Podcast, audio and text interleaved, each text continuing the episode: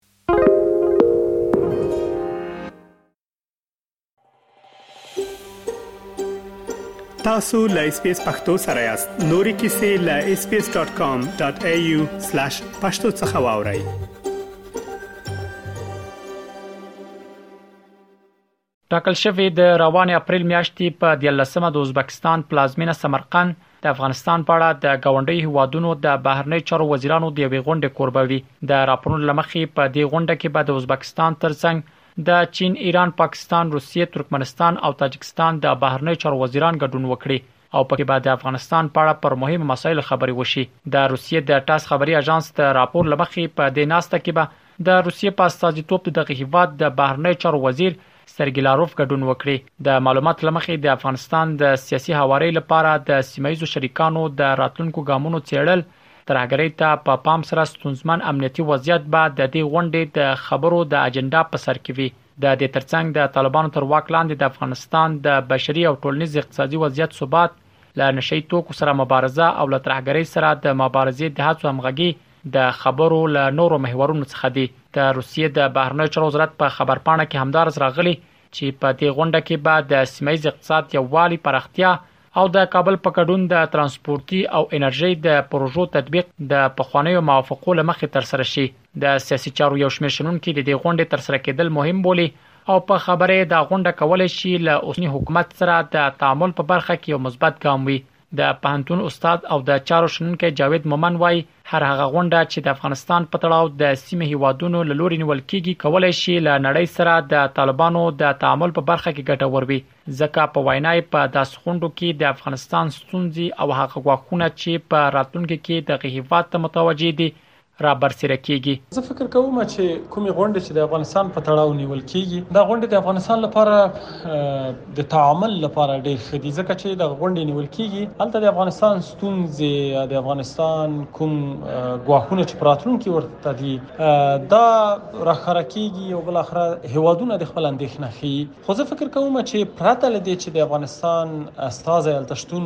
ولري دا غونډې تر سره کیږي دا زه فکر کوم دومره به ګټور تمام نشي ځکه چې کله د افغانستان په تړاو غونډه نیول کیږي د افغانستان په تړاو کومه موضوع وي نو باید هلته د افغانستان استازی وي دویمه مسله دا ده چې دغه غونډې چې نیول کیږي دا صرف د افغانستان افغانستان لپاره نه دی بلکې دوی اندېښنې لري ګاونډي هیوادونو هم که غونډې نیسي دوه آپشنونه دي دوی لپاره یو دا ده چې دوی حتما اندېښنه لري د افغانستان له خاورې نه چې په راتلونکي کې مونږ ته کومه ستونزه رامنځته نشي بله مسله دا ده چې دوی غواړي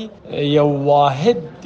ګټې ته دوی ورسیږي چې په هغه کې د ټولو هیوادونو ګټې خوندي وساتل شي د چارو ځینې نور شنونکي که څه هم په اوسنیو شرایطو کې د دا ډول غونډو جوړول د افغانستان په ګټه بولي خو په وینا یې خبر دا وی چې د افغانستان د اوسنی حکومت استاذي ته هم پکې بلنه ورکړل شي د سیاسي چارو شنونکي نجیب الله جامع وای د سیمې ټول هغه هیوادونه چې د افغانستان په قضیه کې ښکیل دي او دغه هیواد له خاورې د خطر احساس کوي په کار ده چې دا مسله د خبرو لارې حل کړي نو موري همدارز وویل د داسیناستو جوړول هغه وخت پایله ورکوي کله چې د سیمې او نړۍ هیوادونه د افغانستان په مسله کې واقعیتونه په نظر کې ونیسي او داسې تصامیم پکې ونیسي چې هغه په افغانستان کې له مثبت تحول سره تړلې اوسي. زه په دې باور یم چې که دغه ناسته د اوسني حکومت استازی ونه غواړي نو ممکن په ډیرو برخو کې هر ډول مثبتې نتیجې چې باید د افغانستان په مورد باندې یا د افغانستان او مرکزي اسیا، چین او روسیې اړوندو بحثونو باندې لري شاید پکې ستونزې وي. بنان سیمې ته په کار ده او ټول هغه هېوادونه چې د افغانستان پر قضیه کې اندېښنې لري چې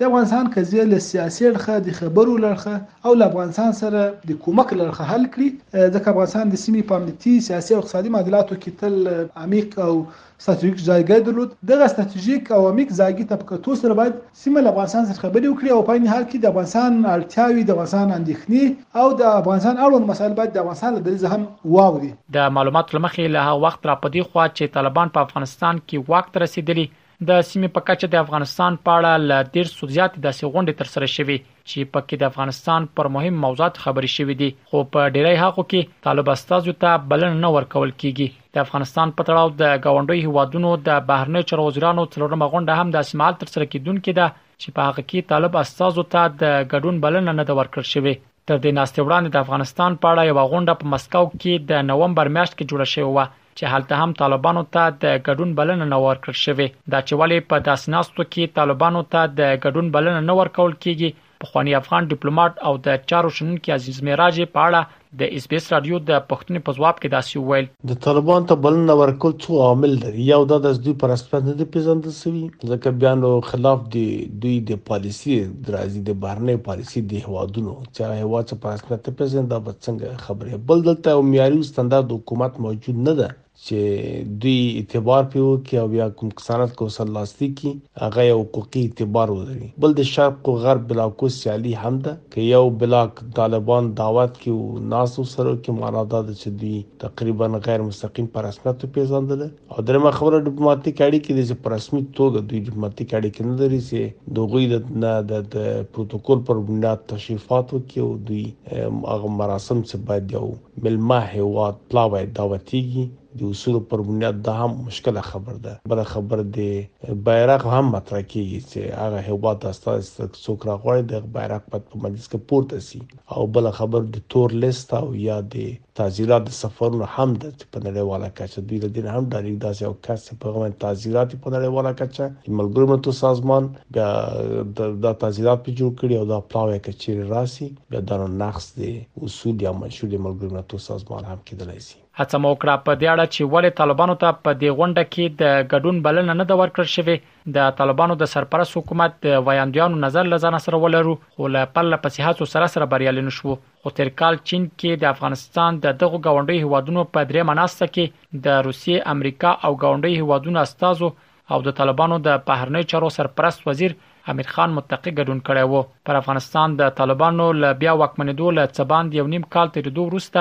لا هم د نړۍ هېڅ یو هیواد د طالبانو حکومت په رسمیت نه دی پېژندلی.